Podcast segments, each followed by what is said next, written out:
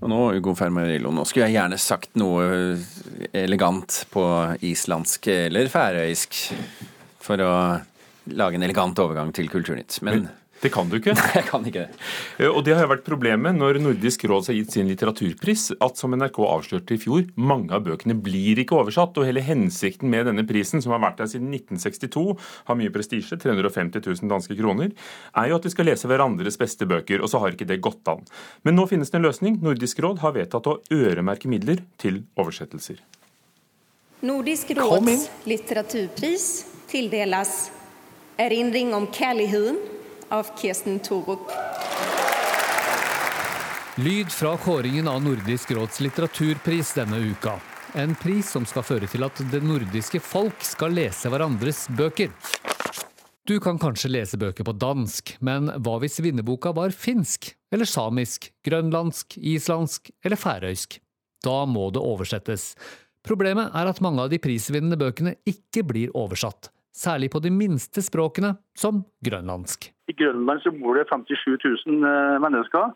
Så klart det også da gi ut bøker på grønlandsk det kan da økonomisk sett være utfordrende. Sier Jorodd Asphjell, som leder Nordisk råds kultur- og utdanningskomité. Det kan tyde på at Nordisk råds litteraturpris ikke helt virker etter sin opprinnelige hensikt. Sa nestleder i Kritikerlaget og litteraturanmelder i VG, Sindre Hovdenak, da NRK avslørte dette problemet i fjor. Man kan spørre seg om den har gått ut på dato. Men denne uka har saken løst seg et enstemmig Nordisk råd har vedtatt at alle prisvinnende bøker heretter skal oversettes til alle de nordiske språkene. Alle prisvinnere i tida framover blir oversatt til alle nordiske språk. Forlagene kan få støtte, så at de sørger for at alle som bor i Norden får de her bøkene tilgjengelig på eget språk. Sa Jorodd Asphjell, som leder altså utdannings- og kultur- og utdanningskomiteen i Nordisk råd. Reporter var Petter sommer. Og disse pengene går både til vinneren av barne- og ungdomslitteraturprisen og den vanlige store litteraturprisen.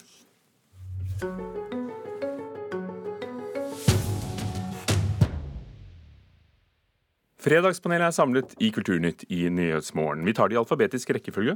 Velkommen, Kristian Kjelstrup, redaktør av tidsskriftet Samtiden, og redaktør også for litteratur i Aschehoug. Takk skal du ha. Lisa Hohn, kultursjef i Tromsø kommune. Hei, hei. Og Martine Aurdal, debattansvarlig og kommentator i Dagbladet. God morgen. God morgen.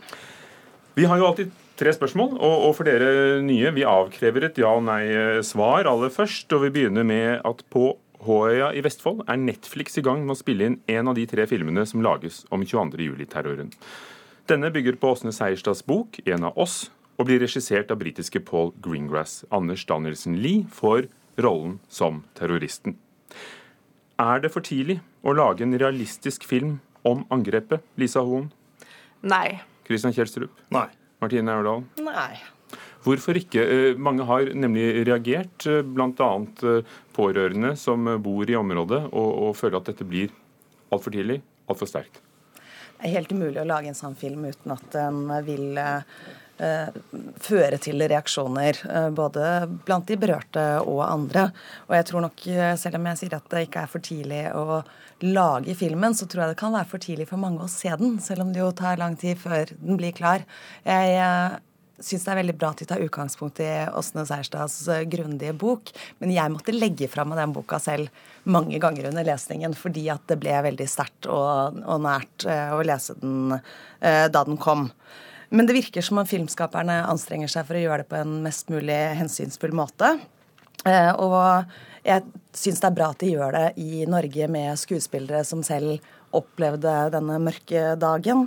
Og jeg håper at det blir en god film som kan bli en sterk påminnelse om det som skjedde, sånn at vi ikke glemmer det og kan eh, håpe at det ikke skal skje igjen. Altså Det er jo vanskelig synes jeg, å svare kategorisk ja eller nei i det hele tatt på noe som har med et eh, nasjonalt traume som 22.07 er, å gjøre. Det er fortsatt så utrolig betent. Eh, jeg svarer ja til at eh, man bør lage en film om dette. Det er jo ikke bare denne filmen som er på gang nå. Det er jo NRK har sin egen serie som er på gang. Det er en film med Erik Poppe som regissør. Eh, så dette skjer jo, men så er det jo litt spørsmålet måten de gjør det på. For det, så vidt jeg har skjønt, så har ikke kommunikasjonen vært den beste her. Altså Det viser seg da at det er ikke på HA som du refererte til, så er det ikke bare én, men flere eller mange av de etterlatte som tilfeldigvis har sommerhus. Og det å få det så tett innpå seg er jo selvfølgelig veldig ubehagelig. Og det ble tatt en hastebeslutning i Vestfold nå om at HA kunne brukes. Så det kan virke som at de ansvarlige for filmen på et noe tidligere tidspunkt burde gått i en bedre dialog med de etterlatte, som også har forståelse for at filmen kommer. Lisa Hoen, hva sier du? Nei, jeg tenker også at Det er jo veldig viktig å gjøre det her på en hensynsfull måte. og det er klart at Å lage en film om 22.07 det kommer alltid til å være vanskelig, og det er veldig mange som er berørt. Men jeg tenker litt fra et internasjonalt perspektiv, så syns jeg eh, perspektivet i filmen virker interessant. For det handler også litt om hvordan nasjonen Norge håndterte denne hendelsen. Og jeg var sjøl tilfeldigvis i USA på det tidspunktet det her fant sted. Og da sa de sånn Norge, hvordan skal dere håndtere det her? Nå kan dere angre på at dere ikke har dødsstraff, f.eks. Så at Sett fra et internasjonalt perspektiv så tror jeg denne filmen kan bli veldig interessant. Men selvfølgelig, det, jeg ser jo at de har gått litt sånn brått frem i forhold til hvor filminnspillinga gjøres. og det her. Men, men jeg tenker at kunst og kultur er òg en viktig måte å bearbeide ting på. Hva kan det gi? Hva kan kunstnerisk uttrykk og bearbeiding av et sånt traume gi? For at det ville komme før eller siden, var det vel ikke eh, så mye tvil om? Det vil jo gi en god del diskusjoner, og det er klart, men det er klart for mange kommer det her til å bli kjempetøft. Men, eh, men likevel, det kan være en måte å komme seg videre på også. Dette er jo et stort traume for hele Norge. Eh, og, og sånn sett så er det kanskje bra at det er en, en anerkjent utenlandsk regissør som har ansvaret for, for denne filmen. Men, men, det er jo en rolle som kommer til å hefte f.eks. med Anders Danielsen Lie eh, sannsynligvis eh, resten av livet. Jeg syns det er modig at han gjør det, for dette kommer til å vekke sterke reaksjoner nesten uansett hvordan filmen blir. Men forhåpentligvis så kan den jo da bli så god at den vil fortelle historien på en måte som eh, vi kan kjenne oss igjen i, og som, eh, som blir en, eh, en påminnelse. Jeg er nysgjerrig på hvor langt filmskaperne kommer til å gå inn i det aller vanskeligste og det mørke.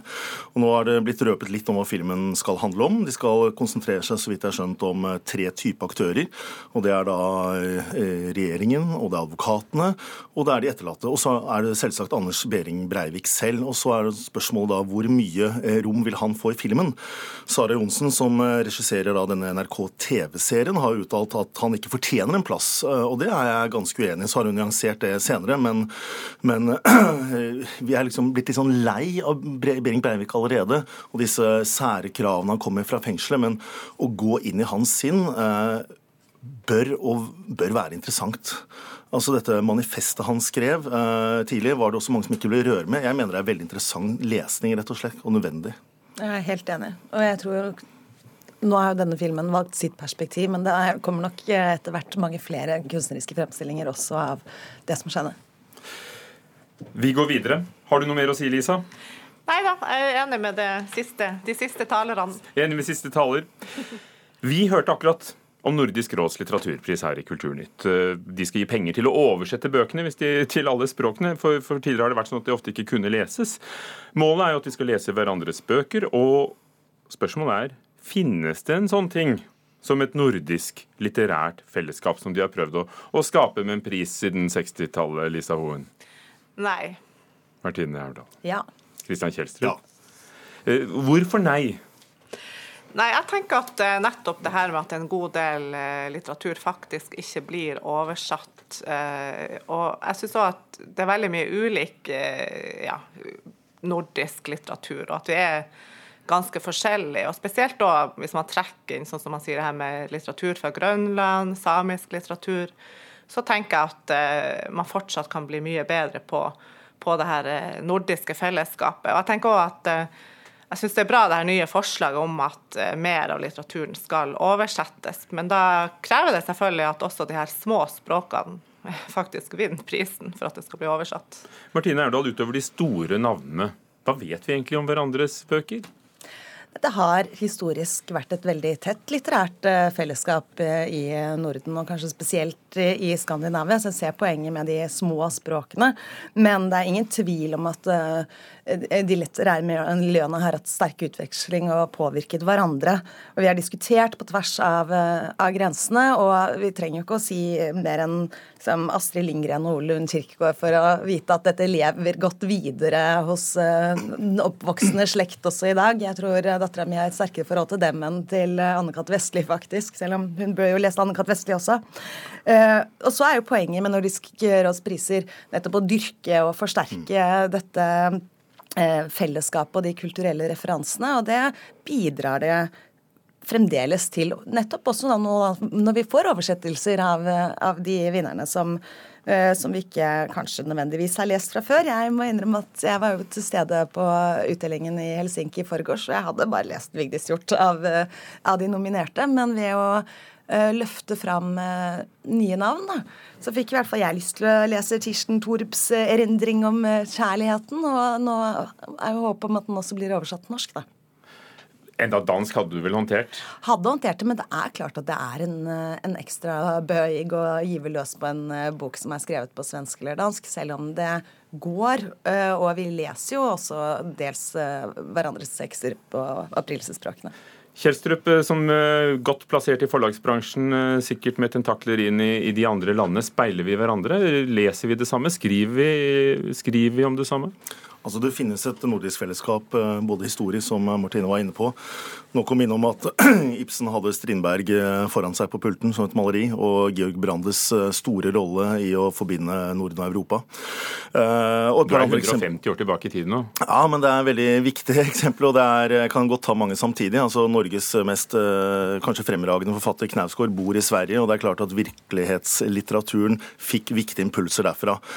Seterbakken, Kjærstad, veldig mange andre forholder seg aktivt til og leser eh, svensk og dansk litteratur. Eh, nordisk, eh, den nordiske dimensjonen er viktig på Nordens eh, største litteraturfestival, Lillehammer. Du har utdanningssteder som Biskops Arne osv. Så videre, sånn at blant forfattere, ja, definitivt, der er det et nordisk fellesskap. Eh, blant lesere så er det sånn at hvem er det vi leser? Jo, nå er det Kirsten Thorup. og jeg, du, dere har allerede glemt den islandske eller den årlandske kandidaten. ikke sant? Lisa Hån, føler du at perspektivet er stort nok? Jeg, synes, altså jeg tenker at det her Nordisk, Nordisk råds litteraturpris fortsatt har en rolle å spille. for Jeg syns markedsføringa i det her er ganske viktig. Altså jeg har òg sett på kandidatene og fikk òg lyst til å lese Kirsten Thorup sin roman. og og, så jeg tenker at uh, Markedsføringsperspektivet retta mot leserne er, er, ganske viktig i denne prisutdelinga. Jeg vil jo si at spørsmålet heller kan være burde det være et nordisk fellesskap. Og der sier jeg tja. Jeg skal senere i dag snakke om hviterussisk litteratur på NRK. Og spørsmålet i globalisert verden er jo hvorfor vi akkurat må til Danmark og Sverige. Det er litt uoriginalt, nesten. Ja, eller Færøyene, Island og de samiske områdene. Vi tar det neste gang. Hør på dette. You don't actually need me to stand for anything. You just need me to stand. To be the strong man, the man of action. My God, you're addicted to action. Kevin Spacey, stadig flere anklager om seksuell trakassering i underholdningsbransjen, og stadig flere konsekvenser. Netflix stanser midlertidig innspillingen av siste sesong av House of Cards. Kevin Spacey anklages for flere tilfeller av utilbørlig oppførsel. Og filmen om Playboy-gründer Hugh Hefner er stanset etter at regissøren også er blitt anklaget for seksuell trakassering. Er kulturlivet verre enn andre bransjer, Martine Aurdal? Ja, jeg tror kanskje det. Kristian Kjelstrup? Nei. Lisa Hoen? Nei. Hvorfor hører vi da så mye om det, Lisa? Eh, nei, jeg syns jo det er veldig bra at de her tingene kommer frem, og jeg syns det er veldig bra at det tas tak i. Men jeg tror at alle bransjer som har hva skal jeg si, mye ukurant arbeidstid, litt spesielle arbeidsformer hvor man er ute på location, jobber litt dag og litt natt, jeg tror alle de, den typen bransjer Eh, og særlig mannsdominerte bransjer, da, eh, og hvor menn har de ledende posisjoner. Dessverre så tror jeg alle de bransjene er ganske utsatt. og jeg leste nettopp en undersøkelse at, eh, som LO har gjort, at i hotell- og restaurantbransjen så er det 20% av de ansatte som har blitt utsatt for seksuell trakassering. Så f.eks. den bransjen er også veldig utsatt for det her. Ja, Nå er jo også to avistopper i Sverige suspendert så lenge. Er det bare det at vi ikke har hørt om det så høylytt før, Martine Erdal? Ja, det tror jeg. Jeg er uh, ikke så overrasket over uh, omfanget i metoo-kampanjen. Fordi at uh, seksuell trakassering og, og, andre typer overgrep skjer jo overalt hele tiden. Jeg tror de, de fleste har vært borti det på den ene eller den andre måten. Men jeg er veldig overrasket over hvor store konsekvenser det får denne gangen. Er det bra, eller er det moralsk panikk? Eh, jeg vil ikke kalle det moralsk panikk, for jeg syns jo det er bra at det blir tatt tak i. Men jeg, jeg er overrasket, altså. Når det gjelder akkurat sånn Kevin Spacey, House of Cards, så blir jeg litt lei meg òg. altså, jeg vil jo si at uh, kulturbransjen er en litt sånn incestuøs bransje. I den forstand at uh, vi henger ikke med så mange andre folk. Vi gifter oss med hverandre, og vi, vi ligger kanskje med hverandre. Men spørsmålet ditt gikk jo på om det er verre i kulturbransjen andre steder. Og hvis du tenker på sykehus, flyplass sånn, så kan ikke være det. Og det ble siste ordet i Fredagspanelet. Takk, Kristian Kjelstrup, redaktør av Samtiden, Martine Aurdal fra Dagbladet, og Lisa Hoen, kultursjef i Tromsø. Du hører på Nyhetsmorgen i NRK, klokken er halv ni.